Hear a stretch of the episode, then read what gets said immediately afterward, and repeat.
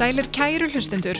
Cecilia Viljánsdóttir heiti ég og er ég að byrja með þennan nýja hraðvarstátt sem er heitið aðtapna fólk. Fyrir utan að mér langaði að gera eitthvað skemmtilegt eftir COVID ári fræga, þá langaði mig að taka viðtöl við fólk sem hefur vakið eftirtakt að verða aðtíkli í viðskiptalífinu og heyra betur þeirra sögu. Fyrir utan að vera sjálf í atvinni í rekstri, þá er þetta ekki fyrsta skipti sem ég gef mig tím til að taka viðtöl við aðtapna fólk, en fyrir nokkrum árum síðan þá ferðaðist ég með völu vinkunum minni um heiminn til að taka viðtöl við frumkvöla fyrir heimildamindina því Startup Kids sem við gáum út á sínum tíma. En nóg um það. Í þættinum í dag tek ég viðtöl við Davíð Helgason, stopnanda og fyrir um framkvæmtastöra Unity. Davíð er fættur árið 1977 í Reykjavík en flutti síðan til Danmörkur á úlingsaldri. Hann kom að stopnum hugbúna fyrirtækisins Unity árið 2003, þá aðeins 25 ára gamall. Unity er eins konar leikjavel sem gerir tölvuleiki framleiðendum kleift að búið til tölvuleiki með minni fyrirhöfn en um helmingur allra leikja sem framleiður eru í dag eru gerði með Unity. Fyrirtæki fór síðan á bandarinskar hlutabriðamarkað árið 2020 þar sem það safnaði 30,7 biljónum bandarækjadólara og átti Davíð þá um 4% hlut í fyrirtækinu. Davíð segjur okkur í dag meira frá sér og frá þessari velgengni sögu.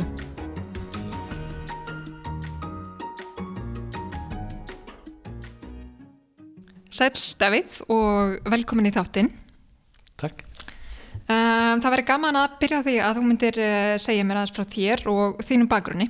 Já, um, já, ég er sem sagt fættur á Íslandi og Íslandingur en hérna flutti til Danmerkur þegar ég var tí ára með mömmu og hérna byrjaði þennan forrita bara þegar ég var krakki og var bara nörd, hlutverkarspil og forritun og hérna eitthvað svoleiðis uh, og tölvuleikir eitthvað. Og hérna alltaf alltaf vera eðlisfræðingur og fræðimaður.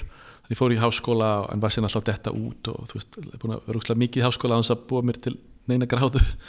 Og hérna og var síðan bara alltaf að forrita þessa milli og já, eitthvað svona fykta Mm -hmm. fyktari Akkurat, hérna, þú átt með svona mjög aðtapna sama fjölskyldu. Uh, móðið þín, uh, Sigrun Davísdóttir, er náttúrulega fréttakona og, og hérna, síðan hafa báðir uh, bræðinir verið í eigin rekstri.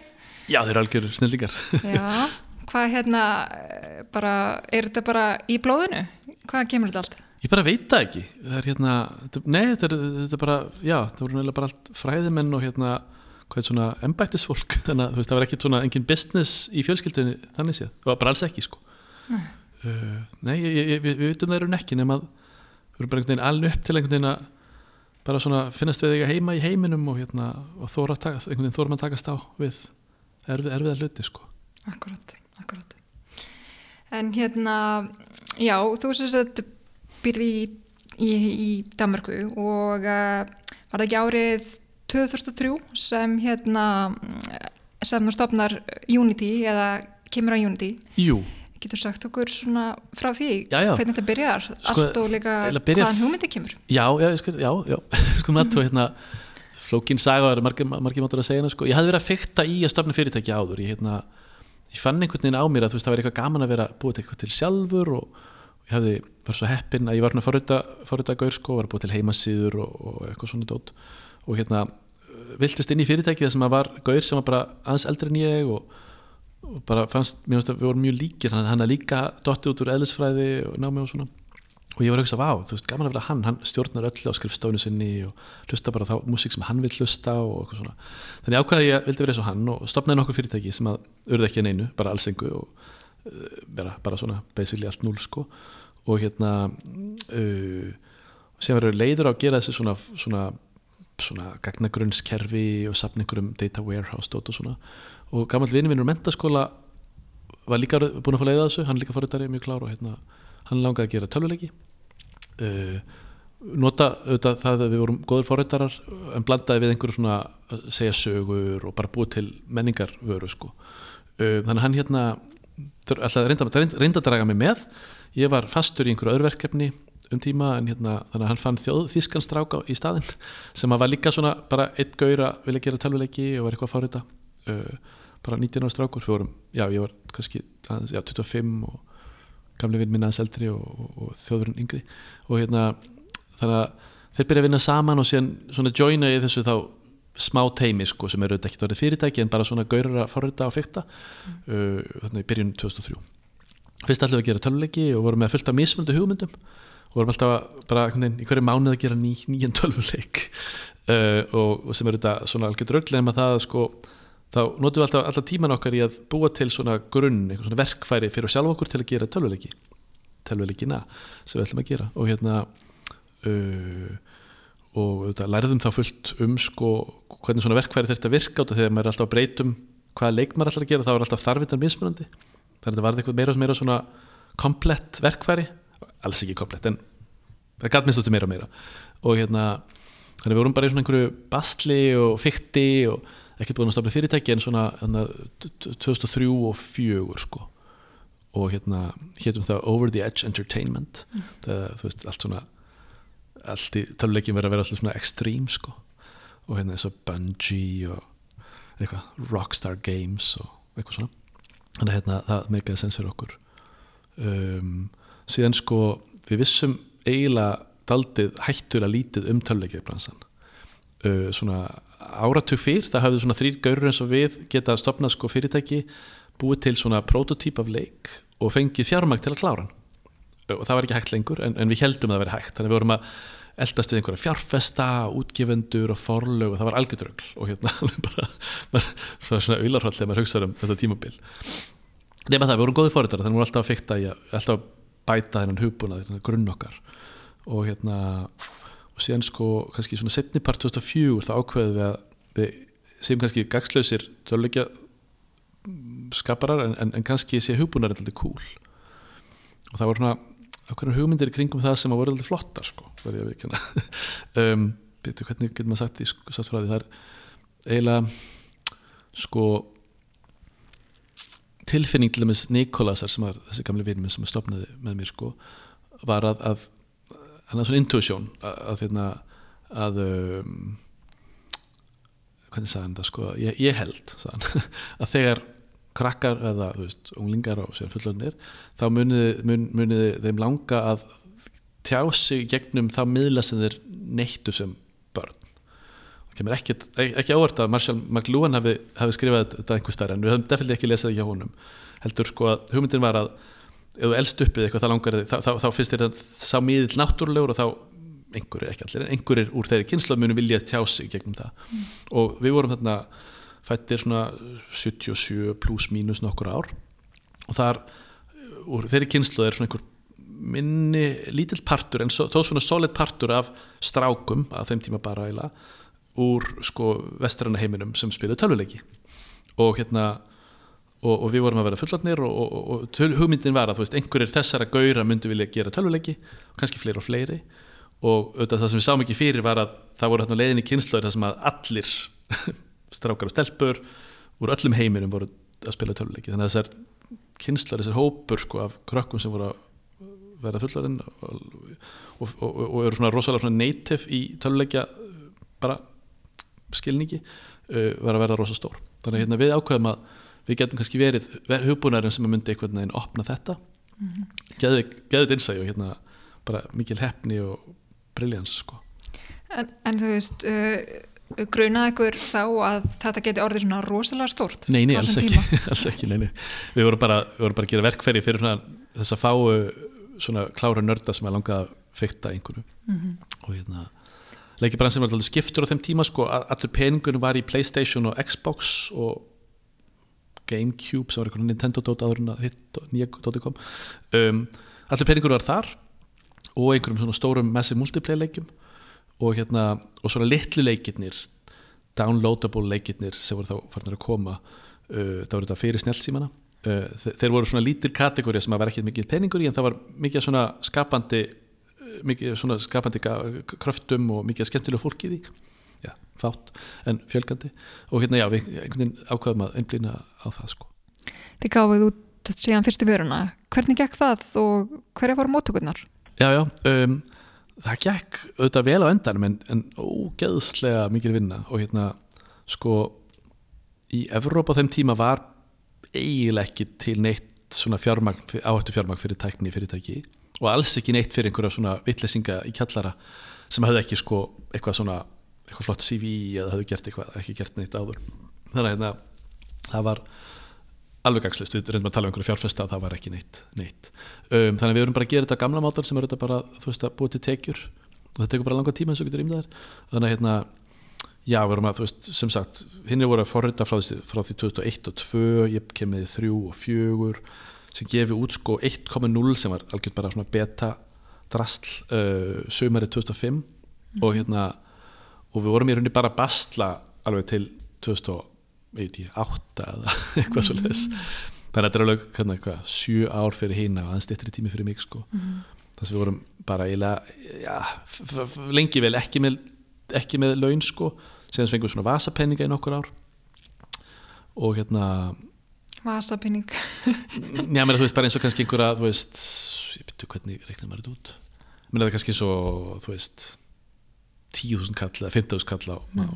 nei, fyrir nei, 150.000 kall á mánuði um, sem eru þetta ekki nóg til að lifa af en, en heldur ekki alveg nóg til að degja af og hérna, já, fórum mér ekki að borga okkur laun fyrir þetta eitthvað 2008-2009 en vorum þá komið alveg fyrirtæki sko veist, já, og hérna og hugbúnaðurinn sem var mjög vondur framan af var farin að verða betri. Og það voru hérna örfáir sko sem að notuðan sem fíluðan og það var kom upp svona smá svona bara, ég veit ekki, svona bara mjög svona community, svona samfélag, veit ég, í kringum þetta sko. Þeir fáið sem notuðan fíluðan þú veist, hann meikaði sens, það var létt að nota hann. Uh, hann, ekki, hann, hann gat ekki mikið hugbúnaðurinn en það var einhvern veginn gott að byrja og gott að komast í gang og og, hérna, og, og þessi litlu teimi sem við vorum að þjónusta þá framan af voru bara mjög hafmyggjusum að fá eitthvað, það var ekkert á þeim tíma sem var neitt, neitt gaglegt sko. Byrju, hvað voruð þið margir á, á, hérna, á þessum tíma? Já, jú, en að við vorum í rauninni bara þrýr fórum eða hausinn þegar við gáum út húbúnaðinn, við vorum að reka einhverja nokkra vini sem höfum ráðið og vorum sennilega bara, bara tveir það einn okkar þurftum smá laun þannig að hann fór að gera annaðum tíma. Þannig að voru bara svona tveir til þrýr pluss þú veist, tveir nemar, eitthvað eitthvað. Þarna 2005 og 6 og síðan sko höfðum smá cashflow til að sko eitthvað. Og þá í staðan fyrir að borga okkur laun þá réðu við tvo klára gaura litáískan fáritara og, og, og Amerik, Amerikana sem var svona meira í svona sölu og dóti. Og hérna já, bara einhvern veginn það var frekar mikið hark það var rosalegt En hérna á einhverjum tímapunkti þá fer þetta að snúast við hjá okkur. mm -hmm. Getur þú aðeins sagt ykkur hvernig það er og af hverju það gerist og hvernig? Já, sko já, það voru gerðist nokkuð hlutir eitt var að, þú veist, hugbúnaður varð betri og hérna við bættum villur og bættum við uh, featureum og svona og síðan sko er þessi menning, þessi hópur ungs fólks er að stækka. Það er að koma fleiri og fleiri sem langar að gera tölvuleiki. Það er að koma fleiri open platform og, og síðan kemur þetta uh, veist, iPhone augnablikið. Ekki þegar hann kemur út 2007 heldur henni þegar App Store opnar 2008 uh, það, það er eiginlega svona moment sko, þá hérna er þetta bara pínlítill markaður kannski, miljón símar nokkra miljónir síma. Uh, en, en þannig er þetta komið markað sem þú getur sett inn app og bara samdægurs eru allir sem eiga svona síma geta downloada appinu þínu og, og hérna og það koma, byrja að koma svona upp sögur um að einhverjir einhver eitt gaur eða einhverjir nokkri gaurar hafa gert einhvern leik eða eitthvað app og, og grætt sko kannski 100.000 dólar og síðan miljón dólara á mjög stöðum tíma. Og þá, þá eru þetta margir sem vildu leika þann leik eftir og allt í hennu og við hérna, þau flýtt okkur eins mikið að við gátum þegar iPhone kom sko að, að gera þannig að maður geti gert iPhone leiki með hugbúnaðum okkar við vorum svona makkagaurar og trúðum öllu sem að heilagur um, Steve sagði sem var sem betur verið allt rétt þannig að þú veist, þegar, þegar hann sagði að þetta er bara mjög stór plattform og æðislegt og opið og geðveikt þá hérna trúðum við því þannig að við flýttum okkur eins mikið og við gátum gáðum út sko stöðning þarna fyrir að búa til app uh, nokkrum árum eftir App Store opnaði og, og síðan var bara voru bara nokkur ári einhverjum rosa vexti sko.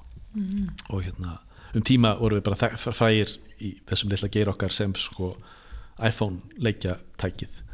Um, sem við hugsaum ekki um, við ekki um okkur sem það heldur bara sem eitthvað svona multiplatform alltaf með stedi allt ótið en það var þetta sem að sprakk sko. Og hérna sem kemur Android og sem betur verið mjög líkt svona hugbúnaðarlega séð og user, UX-lega séð. Þannig að það var létt fyrir þróara að gera leik sem virkaði á öllu þessum, þessum ekosystemum. Og það voru aldrei geðvik ár veist, bara vöxtur, vöxtur, vöxtur Já, ég trúi því eh, og væntalega þegar hérna, fyrirtæki fyrir að vaksa svona hratt þá byrja fjárfæstinir að, að banka dittnar, en það ekki? mm, sko jú, jú reyndar alveg en svona við höfum þá, málu, ok, vandamáli vanda, vanda var við vorum, orðnir, hérna, vorum að vera sko 20 og síðan 30 starfsmenn um, og þegar þú hefur ekki tekið, hefur ekki tekið neitt alvöru fjármagn inn, um bara einhver lán og svona stótt, þá hérna bara litla peninga sko, þá hérna verður þetta hættulegt vegna þess að sko bara lítill smásteinn á veginum geti veltmanni og hérna út af því að þú veist ídelið að sko tekjurna vaksi mánu fyrir mánu er ekki alveg raunveruleikin, það er svona bumpy road sko. Og hérna þannig að við vorum bara mjög stressar og ákvæmum að taka inn fjármagn töluðum við fjárfesta í Evrópu höfum smá, það var smá áhugi sko nema þá hérna kemur fjármálakreppan uh, 2008 haustið Akkurat. og hérna allt frís í Evrópu og hérna þannig að þessi áhugi sem við höfum haft frá einhverjum fjárfestum bara hvarf eða þeir, þeir þurftu bara stöndi öðrum málum og hérna en síðan sko vorið nýju þá gáðist við upp á Evrópu og hérna fórum til Bandaríkjana og fórum að flakk þarna upp og niður Sand Hill Road þar sem að þessir venture sjóðir í Ameríku búa flestir. Og þá er mitt þá er ekki mikill áhugi fyrst sko en smá og síðan var vöxturinn okkar aldrei hraður og hérna ég hitti hérna á um, svolítið óvart á konu sem heitir Diane Green sem að hérna stopnaði það stóra hugbúnaði fyrirtæki VMware sem er ennþá til svona þótt að sé dóttur fyrirtæki eitthvað, eitthvað, einhver starfum starfin en eitt af stóru hugbúnaði fyrirtækjum bara í heiminum og hérna hún er rosalega klár. Og svona eiginlega bara risi, hún var setn í stjórn Google, ég veit ekki hvað.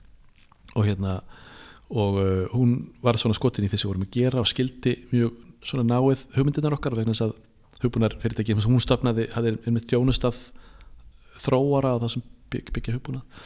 Þannig hún sá hvað vorum að gera og hérna bauðst til að fjárfesta og kynnti okkur síðan fyrir meðal Sequoia Capital sem er af bestu sjóðunum. Og þeir fjárfestu bara mjög fljótt. Eiginlega bara viku setna, áttatugum setna hérna vorið 2009 og saman tíma verið að flytja til bandaríkjana til að búa þarna á réttum stað skildi eftir hún allt teimið í Evrópu en, en flutti sjálfur og hérna, setti upp skrifstofu í Samræðsinskó Akkurat. Og hérna uh, breyttist fyrirtæki hérna mikið við aðkomu hérna Sequoia og Um, annar fjárfesta? Já, til þess betra en hérna, við vorum ekki mjög góðir að taka móti þessari ráðgjöf og aðstóð framan af þannig að sko þetta er rosalega, þetta er svona þetta er þetta mjög sérhæfur hópur fólk sko þeir, þetta eru svona litla stopnir með fáu fólki en þeir eru, allur businessin er að finna bestu teknifyrirtækin og gera þau betri. Og hérna, og gefa ráðgjöf og aðstóð við að ráða topp fólk og, og bara svona og eru nýta manni hraðar, bara leifa manni að þóra meiru og hérna minnstu þeir hluti ganga vel. Og það gekk vel nema það að ég var bara rosalega ringlar, ég mætti þarna og einhvern veginn þangað til að þetta verið frekar létt þú veist, þá bara við þurfum að búa til hugbúnað og selja hugbúnað og hérna, leysa villur tala við kuna og endur taka það. Og hérna uh, og ráða gott fólk og, og bara hlaupa henni með því. Það var svona frekar auðlust hvert fyrirtæki, var að fara. Og stundum leið mér, ég var þetta já, ég var, ég var, var forstjóri þarna eiginlega óvart. Uh, og hérna og eiginlega sko ég, mér leiði ofta ekki eins og, ekki eins og yfir að stjórna fyrirtækjun, þetta er bara að hlaupa með því og svona halda aðeins utan um smotteri og passa svona að fólk væri svona smá að synka en í rauninni bara hlaupa með, með, með fólkinu okkar hérna en þarna þegar, þegar við tekum til fjármagnið sko þá er mobile geirin er að springa í loft upp og hérna það er að koma alls konar nýjar þjónustur og borgunarkerfi og auglýsingarkerfi og payment walls og ég veit í hvað. Og hérna það er að koma upp svona rosa möguleikar fyrir svona fyrirtækis okkar sem að sko snertir þá einhvern vænan part af öllum leikjaþróurum sem er að gera snjálfsímaleiki og, og hérna getur þjónustað á ekki bara með hugbúna heldur líka alls konar þjónustum og hérna. Og þetta var svona bara mjög rugglingslegt fyrir okkur og ég var alveg, misti alveg allan, allan þráð sko. Og bara snýðist í ringi bara mánuðum saman hérna í haustið 2009 en hérna og þeir reyndi eitthvað að hjálpa okkur, reyndi að gefa okkur ráð og Diane sem frá VMware var að reyna að hjálpa mér og ekkert gekk og ég var alveg ringlaður. En sem betur fyrir þá einhvern veginn gerði svona höll ég og hinnur stafnendunir og ákvaðum að við ætlum að reyna þetta.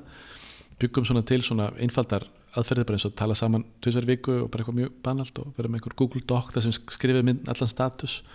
Og náðum einhvern veginn þræðinum aftur og hérna gerðum sér rosalega góða vinnu þannig nokkur ár. Og þá loksins skáttu þessi fjárfæstarferði að hjálpa okkur. Mm. og hérna, það, það var mjög gott sko, þeir eru þetta daldi klárir Akkurat, en hérna svona hvernig tókst ykkur að sækja fleiri nótendur og láta fyrirtæki vaksa? Mhm. Hvaða leiði fóruð í því? Sko, um, já, fyrst var þetta bara bara sko, bara gera góðan hugbúnað og, og, og selja hann á einhverju heimasíðu og hérna og ég man, einhvern tíma var ég að tala við einhvern keppinaut okkar sem hafði feilað sko þegar við að tókum fram úr þeim og hérna og þau, hann var að segja, þeir eru svo góðir í marketing. Og ég bara, nei, þú veist, við höfum enga markasmenniski í fyrirtækinu. En það var eitthvað svona, skilabóðin voru bara skýr. Þú veist, maður vissi þegar maður las heimasíðun þá vissi maður til hvers þetta væri. Og, og það var bara gott marketing og hérna, en síðan sko eh, kemur þetta svona inn þessi svona Silicon Valley hugsunarháttur og hérna sem er mjög svona playbook sem er búið að þróa yfir langan tíma hvernig maður byggir upp teknifyrirtæki og þetta eina af aðferðunum er open source. Við ákvæmum að fyrir ekki þá leið uh, nema smá köplum en hérna önnur annað, annað, svona önnur aðferð er, er þetta svona freemium. Eitthvað sem er bæði ókipis og ekki. Og við fórum þá leið og hérna það var þetta bara hugmynd innan úr fyrirtækinu en, en fjárfæstarnir stödd, stöddu hana. Og hérna þannig að nokkrum mánuðum eftir að við fengum fjárfæstinguna þá gerðum við svona ókipis útgáfu. Og það var, við vissum að það myndi hafa mikil áhrif en það var faktist taldið geðveikt hvað það var stórt. Við sko, við vorum í, þá búin að vera að markaði að selja dótið okkar í fjögur hálft ár og á sólarhing tvöföldu við notendifjöldin okkar. Og síðan fyrst næsta sólarhing aftur þreifaldu þannig að það var rosalegt. Hérna, og hafði mikil áhrif og þá vorum við ekki með sko 10-15.000 notendur heldur 100.000 notenda á mjög stundum tíma. Og það kemur bara upp svona svona kvalitatíft annað þú veist það gerist bara allt annað það var alltaf komið bara fullt af sko bókum um þetta og bloggum og alls konar þjónustu fyrirtæki kringum okkur og það var bara rosalega stert og hérna við vorum í, gerum okkar voru fyrstir með svona freemium model og, og bara það leiði okkur að skjótast á undan öllum öðrum Þið fluti frá uh, Danmerku til Bandaríkina. Heldur að það hafi breytt miklu fyrir ykkur og ítt undir ykkar velgengni? Já, bæði og sko, út af því að já, það, það, það hefði mjög góð áhrif og mikil áhrif. En, en ég var þá einast sem flutti, hinn er tveir stofnundum mínir voru áfram í Danmörku og hérna urðu áfram í Danmörku og fjármálastjóri var þar og eitthvað svona fleiri, einhverju fleiri stjóra þannig ég var svolítið einn aðna sem var ekki kannski alveg gott vegna þess að þú veist, það var stundum ég var að læra þessar Silicon Valley aðferðafræðir og, og, og var að tala við alls konar snillinga þarna og hérna fórstjóra stóru fyrirtækjana og bara og hérna byrja einhvern veginn fá alls konar góður hugmyndir sem var mjög erfitt að útskýra heima. Þannig að þetta var já, oft aldrei svona svona svona, svona ekki vel kúplaði okkur. Ég var að fá einhverja frábæra hugmyndir og sem var eitthvað að segja frá þeim í Danmörku og fólk bara, já, þú veist getur ekki bara ráðið fleiri forritara og gert veist, auka feature þurfum vera að gera svona business einhvern og hérna en uh, þannig að það var ekki alltaf gott og stundum rugglingslegt og stundum bara komið pyrringur og, og miskilingur mill okkar en hérna, en á endanum var það gott og hérna, og minna það var algjörlega nöðsynlegt um, við erum þetta með svona fyrirtæki sem að sko, þetta er svona tölvuleikja þróunar búnaður og hugbúnaður og við þurfum að vinna með sko þeir sem búa til leikina sem er út um allt. En við þurfum líka að vinna með þeim sem að sko búa til stýrikerfin og símanna og, og hérna flögurnar meiri sjá svona. Og þá sko var alveg algjörlega nöðsverðið fyrir okkur að bara vera í þessu ekosystemi því að þar er þetta alltaf gerast í bandaríkjum og hérna í Silicon Valley og hérna þá er bara mjög mikilvægt að vera já, uh, með það allt í æð þannig hérna þessi skipting fyrirtækis var nöðsverðilega en, líka sásökafull og hérna um, mm. Akkurat. Og hérna svo viðtekur bara við hérna uh, mikill hæper vöxtur hjá okkur. Já, eða var það í rauninni allan tíman sko nema þetta fyrst Já. voru törðan svo litlar en alveg frá, já, 2006, 7, 8, 9, 10, 11, 12 var bara farunlega vöxtur já. Og náttúrulega í rauninni mörgundri manns í rauninni byrjað að vinna hjá fyrirtækinu Mm. og hérna og, og náttúrulega svona kannski þitt starf sem í raun frangtastari breytir samtalið mikið á þessum tíma. Getur aðeins líst í hvernig það er að vera kannski í teimi með þremur og svo allir nörstu byrja að stjórna mörgundur manns Jú, jú, um, það er ógeðslega skemmtilegt. Ég svo mér þykir svo vænt um fólk ég er svo gaman að bara umgangast fólk og hérna klart fólk. Þannig að þegar við fórum hann einmitt í ár þremur í 10, 20 og 50 og 100 reynda 50 til 100 var alveg versta tímin það var, rosa, það var þegar ég flutti og það var rosa erfitt. Sen veginn fótfest aftur og, og vöxturinn frá 100 upp í 500 sem ég var þá en þá framgóðstjóri yfir var mjög skemmtilegur.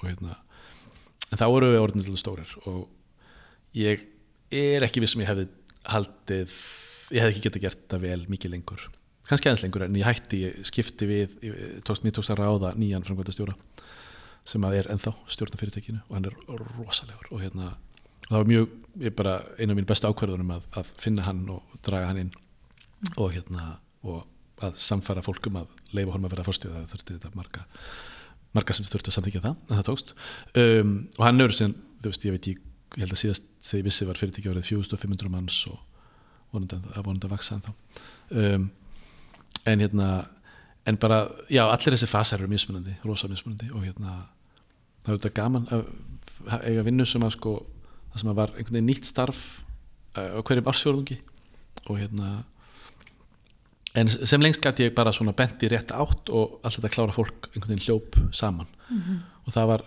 alltaf, það virka alltaf best og hérna sem þýtti það var erfitt að búa til alveg nýja hluti sko og við reyndum það að það tókst ekki alltaf uh, en í staðin fyrir lærðum við að kaupa fyrirtæki uh, keftum okkur mjög góð fyrirtæki sem að einmitt uh, voru þá búin að gera eitthvað vel en þá þetta að bæta þeim í hópin og, og byrja að hlaupa með þeim sko mm -hmm. og það virkaði betur en að reyna að byggja eitthvað alveg nýtt en hérna, það var rosa, rosa, rosa fyrir sko. mm -hmm.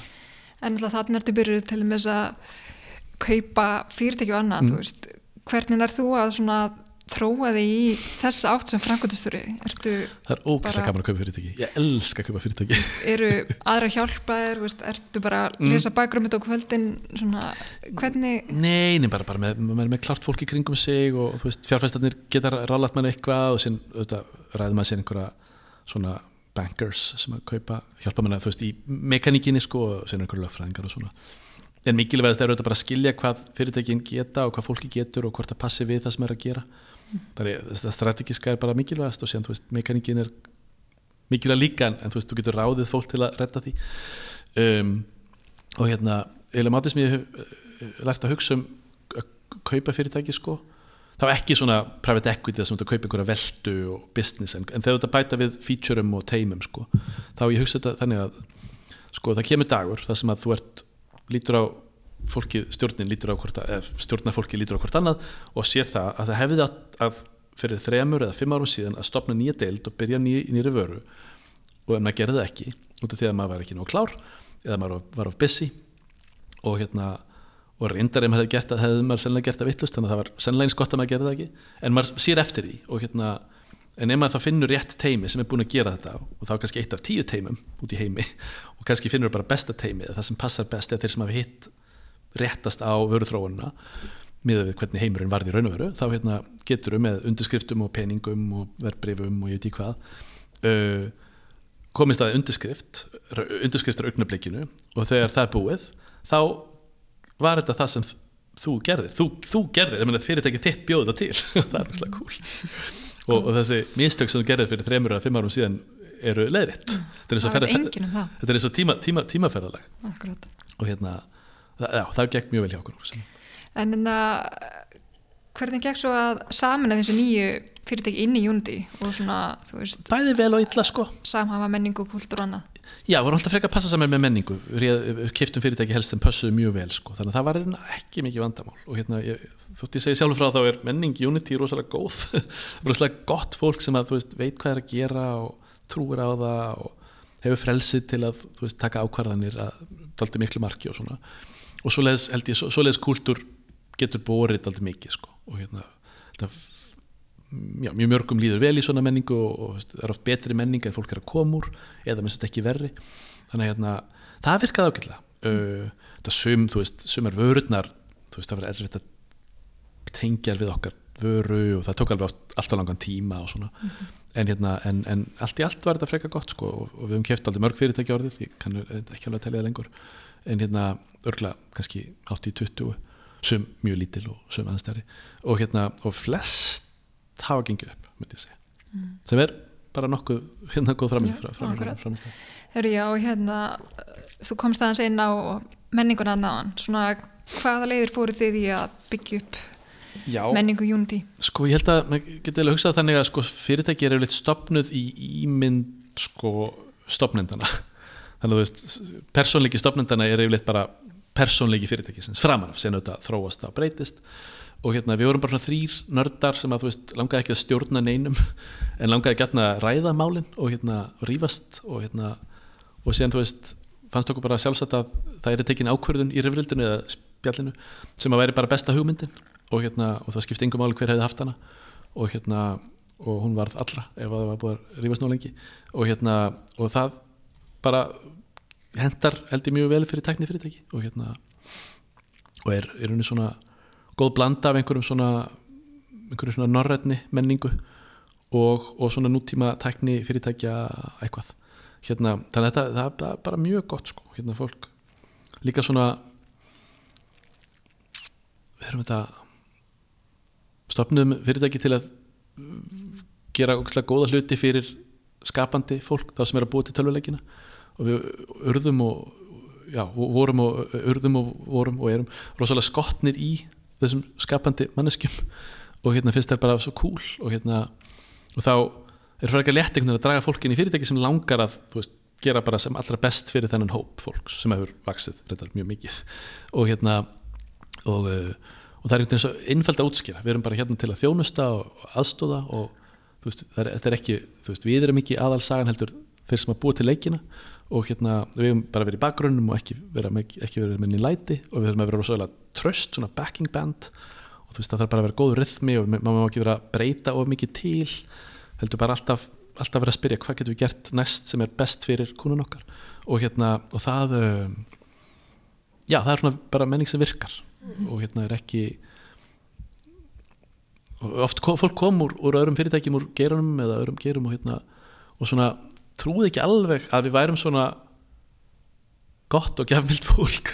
Og alltaf svona já en þú veist hvenar kemur hérna sko græðkin fram? Og hérna og það er bara einhvern veginn þegar fólk fattar eftir einhvern tíma nei það er, þú veist, við erum í alvöru að gera góða hluti þá hérna bara slappar hans af og axlirna lækka aðeins og hérna og fólki líður vel í svona umhverfi. Þannig að ég held að það sé, það hefur alltaf virkað hjá okkur. Akkurat. Og þarna svona, þetta hljómar eins og það hafi svona rauninni freka vel framan á hjá okkur, mm. þetta náttúrulega tekur einhvern tíma að komast í gang og allt það, náttúrulega, hérna, en, en hérna, en, en svona, hvað voru erfistu tímanir svona, eins og fyrir fyrirtækið og svo Mm. líka þig svona persónulega sem er hún stafnandi fyrirtækisins? -hmm. Ég held að erfiðasta tíminn var sko þarna annars vegar þegar við vorum nýbúin að fá fjármagnið sem áttu þetta að vera létti tíminn þegar við vorum ekki lengur að fara á hausinn bara skyndilega. Já, það 2009 þegar Sequoia fjárfesta sko Mhm. það var eiginlega erfiðasta tíminn vegna þess að þegar ég flytti Francisco og ég bara vissi ekki hvað við áttum að gera. Það voru svo margir möguleikar, allir vildi tala við okkur og svo margt að gerast í bransanum út af snellsímabildingunni og svona. Og hérna það var mjög erfitt. Og vöxturinn frá 30-50 manns upp í svona 100 manns var alveg algjör martröð. Uh, þetta tók svona innan við ár. Um, hinn versti tíminn var bara 2006 þegar við vorum búin að vera í business að selja sko í svona kannski ár, rúmlega ár og vorum bara alveg að drepast úr, úr þú veist, það var bara ekki peningur og við gátum valla borga laun fyrst, þann fyrsta í mánuðinum og stundum ekki alveg og, og hérna já bara, þú veist, ég, það var bara mikið hark sko. Ég gerði þetta eftir þannig að ég hérna bara svaf ekki þangað til að það tókst að borga launin, þú veist, þriðja eða eitthvað.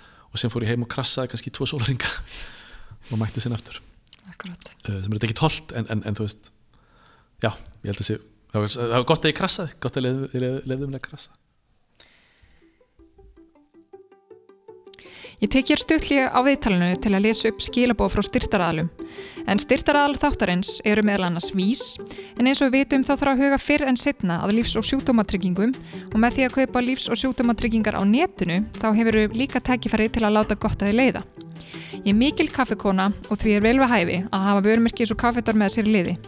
Mér finnst frábært að geta alltaf treyst í því ég kaupi póka af kaffi frá þeim að það sé búið að velja úrvalsbönir sem er að mestu líkitum keiftar beinta bónda og hugsa sér bæð um velferð neytenda og byrgja. Til að komast á milli staða þá er eins gott að maður sé á rafbíl. En í öskju er hægt að fá yfir 30 gerðir af rafmögnum bílum og selja þau frábæra bíla frá Benz, Kia og Honda. Og þá aftur að viðtalinu. Já, og út í San Francisco þá haldið þið áfram að sækja fjármagn. Gekk það bara vel?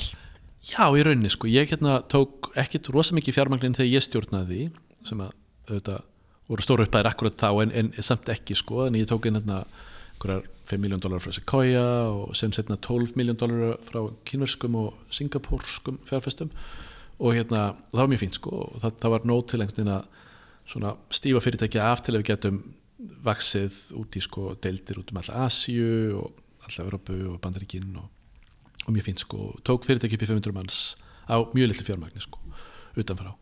Og hérna síðan kemur hérna tekst að koma nýjum uh, hérna stjóra inn John Ricky Tello sem er ennþá framkvæmta stjóri og hérna æðislegu og hann uh, hann tók smá pásu bara svona uh, rakfyrirtækið eins og það var og síðan sá hann að nú þurfti eiginlega meira þannig að hann tók inn sko nokkur hundru miljón dólara sem var bara alveg rétt ákvörðin og hann, hann gatt það og, og þá voru við líka komin á mjög góðan stað og, hérna, og hann gerði það mjög vel og, og síðan þegar vorum við að gera það í nokkur ár þá ákvaðum við síðan og ég sitt ennþá í stjórn og við tókum þessu ákvörðun að, að setja fyrirtækið á markað mm -hmm. þá í fyrra og hérna og það já, við IPO-uðum sem sagt þannig í september Akkurat. og hérna sem er auðvitað þá, þá kemur meira fjármagnin og, og bara allt verður meira svona transparent og hérna Akkurat. og svolítið meira formlegt mm -hmm. og, en hérna en það, er, það var bara mjög fýtt prósess og ég reyndar mjög ánæg með hvað fyrirtæki gerði það rosalega vel sko mm -hmm. Hérna komum við kannski síðar að því en, en svona eins og í hérna þinni fórstöru tíð mm. eh, svona hvað fannst þér eiginlega svona hæfnast best hjá okkur, hvað eiginlega fannst þér svona gera kannski best? Og síðan svona hvað finnst þér eiginlega vera mestu místökin að þú horfum tilbaka? Mm -hmm. eitthvað sem hefði betur fara Sko, ég held að besta það sem ég stoltastur af var fyrst kannski bara hvernig við komum svo stað með svona skýri hugmynd.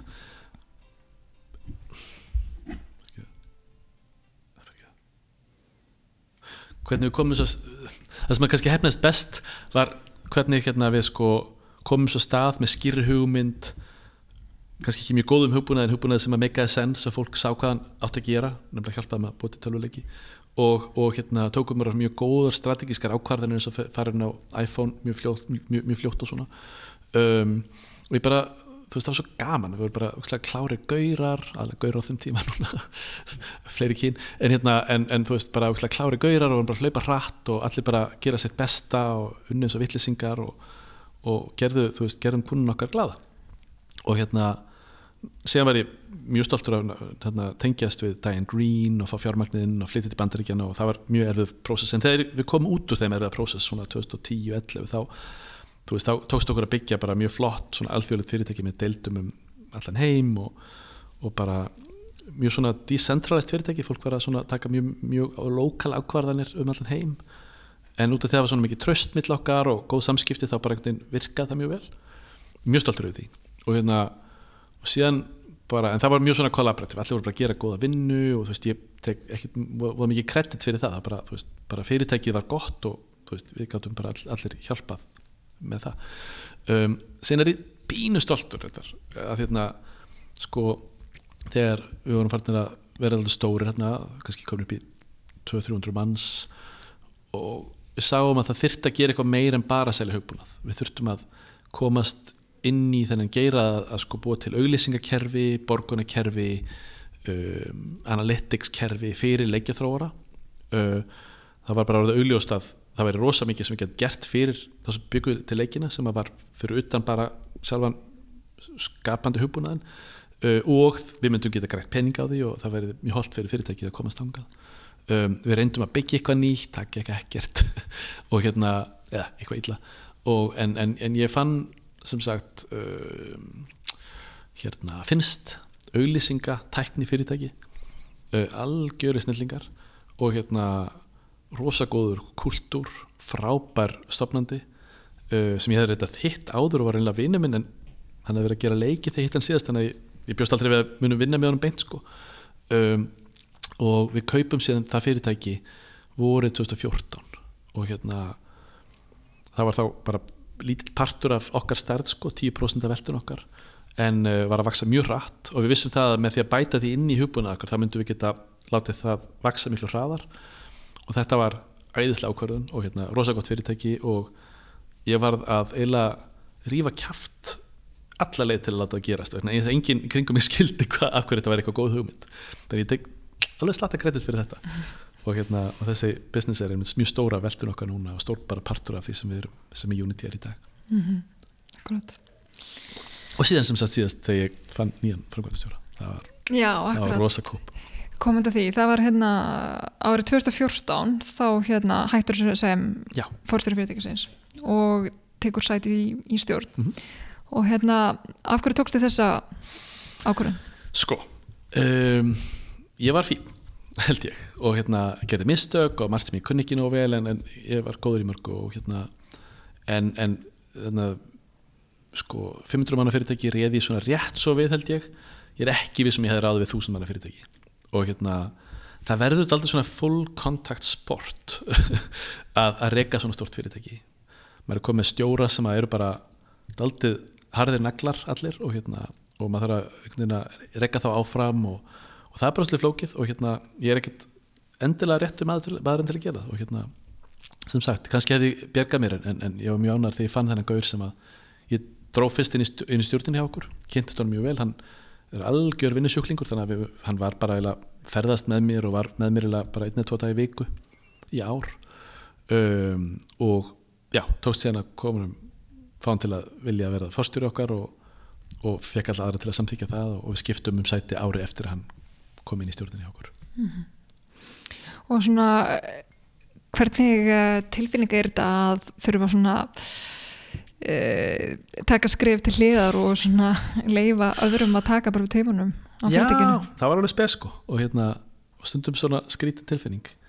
Um, ég lesið að fólk sem missir hérna sko útlim eins og hendi eða fót geti haft svona geti kýtla svolítið í veist þar sem að fóturinn var eða stúfur, eða sem stúfurinn veist, já, er ekki. Uh, og hérna stundum hafði þannig tilfinningu eins og þú veist, mér langaði að gera eitthvað. Mér langaði að þú veist að setja eitthvað í gang eða breyta einhverju stefnu eða eitthvað. Og ég gæti þetta ekki bara ringt í fólkið og gert það heldur til að kannski rífa kjæftið við nýja fórstjóran og hérna, hann var ekkert alltaf sammála sem var alveg rétt hjá hann og hann, hann tók ekki verið ákvarðanir en ég. En það var svona smá, þurft, maður þurfti aðeins að veynast í en hérna þetta, en þetta hefði örgulega verið miklu verra ef hann væri ekki svona rosalega klár og rosalega góður og, og ég er bara svo sammála bæði stefnu sem ég var með fyrst og sem við þróðum saman og síðan þetta, núna fyrirtækið byrja að móta sín einu stefnu og, og stjórnin er þetta bara meira svona fylgja með og, og passa upp á governance og svona sem er hérna og, og þetta rífa kjæftum um stefnuna líka. Og það er bara mjög gott mál. En hérna, hvernig breytist fyrirtæki svona eftir hann tekur við tömunum? um, Eitt sem gerðist sko var að hann er þetta Amerikani í Silicon Valley og hérna þannig að svona mín svona intuitionum að fyrirtæki þetta verið bara alþjóðlega fyrirtæki og ég verið bara óvart þar hún breytist svolítið, þetta var miklu meira svona centralized ekta Silicon Valley fyrirtæki. Og hérna uh, það var rétt ákvörðun og það var, það var bara gengið mjög vel en það er eitt sem breytist greinilega sko. Og hérna allt hitt myndi ég segja var eitthvað sem ég ætlaði að gera eða langaði að gera en, en þú veist bara var ekki búin að gera. Eins og við erum að fókusera á aðra geira við erum að selja inn í marga aðra geira en bara leikibransan um, við urðum fyrst vorum við mjög leiðilegir og sem vorum við slatta leiðilegir og síðan alveg sæmilegir og nú erum við mjög góðir í að búa til nýjar þjónustu aðferðir. Svona backend og hérna, online kerfi fyrir leikjaþróarana og aðra. Og hérna það er allt sem að bara rosa góð vinna sem erum við gert og hérna, ja, teimið hefur allt gert og hérna, það er svona en, en þetta með að það var svona meira amirist fyrirtæki var eitthvað sem að ég hefði sennilega ekki gert sjálfur en, en var, samt, var samt alveg örgulega rétt ákvörðun. En hérna á svojum tíma þá, þá hérna sprettur líka upp einhver samkeppni. Já, það hefur nú alltaf verið sko. Já, við vorum alltaf með svona- alveg fyrst vorum við með marga keppinauta sko. Það voru mörg fyrirtæki að gera það sama. En eftir, eftir sem árin liðu þá alltaf duttu alltaf fleiri í burtu en komu til sko.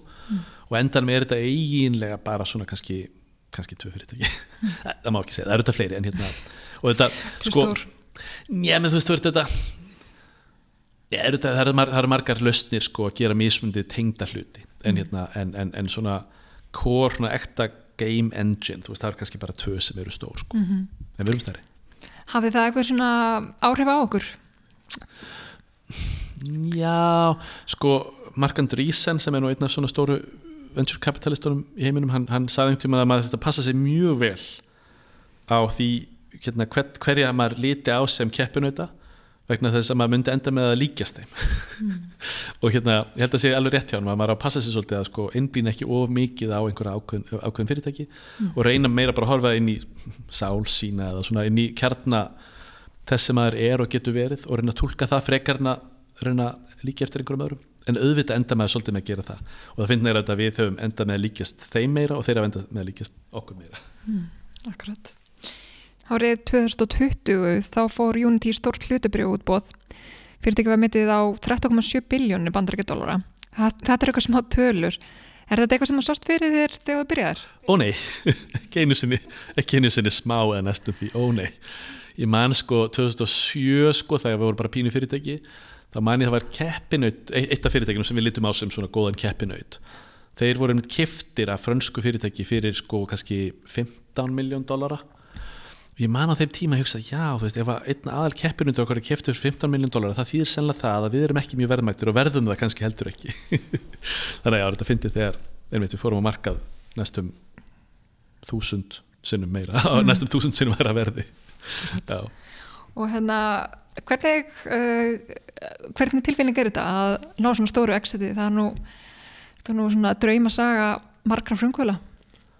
Þetta er alveg draumur, þetta er sem ekki exit en hérna en uh, því að flest brefinu er þetta bara í eigu þeirra sem áttu þið áður en hérna en uh, það er meðal mín en hérna þetta verður bara ótrúlega skemmtilegt og svona gefur þetta er ákveðin verkfæri sem fyrirtæki geta nota þú veist það er ef maður er að kaupa annað fyrirtæki þá getur maður benta á verðmætið og þú veist það er léttar að ræða það frekar en að reyna að segja hvenar maður, þú veist, hvað maður, hvað maður var metin á síðast, kannski fyrir tveimur árum síðan og eitthvað svona, þannig að það er, það er bara mjög þægilegt, léttar líka að ráða gott fólk. Getur bent á, þú veist, hvað hvað hérna verðbref á svona option pakkar séu virði sko. Þannig að hérna nei, þetta er bara mjög cool sko og skemmtilegt að fylgjast með þessu svona dagstæðilega Akkurat. Hérna, þú hefur væntalega efnast smá af þessu. Hérna, hvað var svona það fyrsta sem þú gerðir svona til að fagna? Þessum uh, sko venjulega hefði maður farið til, til New York til að halda partí þar Já, en það var korona þannig að komist ekki þannig að við heldum bara partí. Nei, nei, við heldum 50 manna partí heima hjá mér Þa, það, var, það var á þeim tíma mátti hafa 50 manns en við höfum 50 manns heima hjá mér bara það var voða gaman mm. bara með smá vín og, og hérna og Sexy Laser kom að spila, hann býr í Danmörku Akkurat.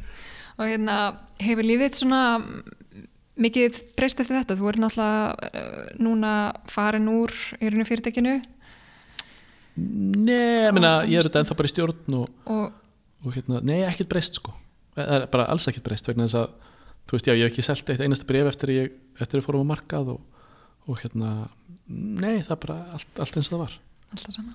Akkurat. Eh. hjóla bara með krakkan í kaupunum í kassahjóli Það er mjög gott. En hérna, já, en hvað er þetta að gera núna? Já, ég er sem sagt að hérna, fjárfesta í sprótafyrirtækjum, það er eiginlega einasta sem ég kann eða svona, fyrir utan að byggja fyrirtæki sem ég eiginlega nenni ekki að gera akkurat núna þannig að hérna, ég er búinn sko í hvað fjögur, svona, fjögur pluss ár er ég búinn að vera fjárfest í sprótafyrirtækjum uh, fyrst illa og svona feiktlega en betur og betur og hérna komið smá teimi kringum það og hérna og um, já, og er eiginlega bara að gera það. Og hérna, ég reyndar nokkrum stjórnum sprótafyrirtækja líka og uh, og með svona smá praktis í kringum það. Fyrst sko bara svona töluleikjabransi og annar hugbúnaðar sem við kunnum eitthvað á. Uh, og núna meira og meira svona það sem við kalla svona deep tech svona flóknari tækni fyrirtæki sko innan líffræði og eðlisfræði. Um, og meira og meira áhuga á hérna loftslagsbreytingum sem að hérna er auðvitað alveg bara djús hryllingur og hérna er sennilega að fara eðilegja alltaf mikið á jörðinni. En hérna þannig að ég er að að skilja hvernig maður getur snúið einhverjað við með því að finna tæknifyrirtæki sem að geta list þessi 10.000 vandamál sem að eru komið upp og hérna og, uh, og kannski já, snúið einhverju við og hérna það er svona sem við erum að að læra á núna sem þetta lilla teimi mitt Mhm. Og svona, hvað finnst þið virka best í því að velja góð sprótafyrirtæki og, og hérna, og hérna stiði við þau? Já um, það er bara svona þetta þú veist, maður er að finna ógeðslega klárt fólk Mm. og helst skemmtilegt út af því að ég held að sé einhver svona sterk korrelasjón með þess að vera skemmtilegur og, og, og góð manneskja og hérna og, og, þú veist, ég held ég trú að góðar manneskjur geti bara, þú veist, komist lengra. Og hérna ég er lettara með, veist, að finna fólk að vinna með og, halda teimum saman og halda í hugssjón og hérna, þannig að bara maður að finna ógislega klárt skemmtilegt fólk sem að, þú veist, er að reyna að leysa einhver stór vandamál.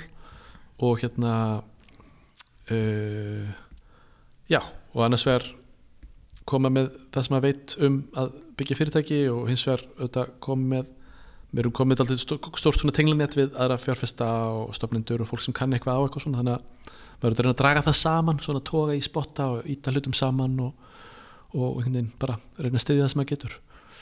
Og hérna og síðan er þetta fullt af svona hvað svona svona, hvað þetta svona legwork uh, í kringum sko hvernig þú hérna heldur áfram að stiða fyrirtæki og fjárfestir oftar en einu sinni og hjálpar fyrirtækjum að finna nýja fjárfesta og veist, já, það er svona heilt svona uh, svið sem að við erum að vera alltaf góður í.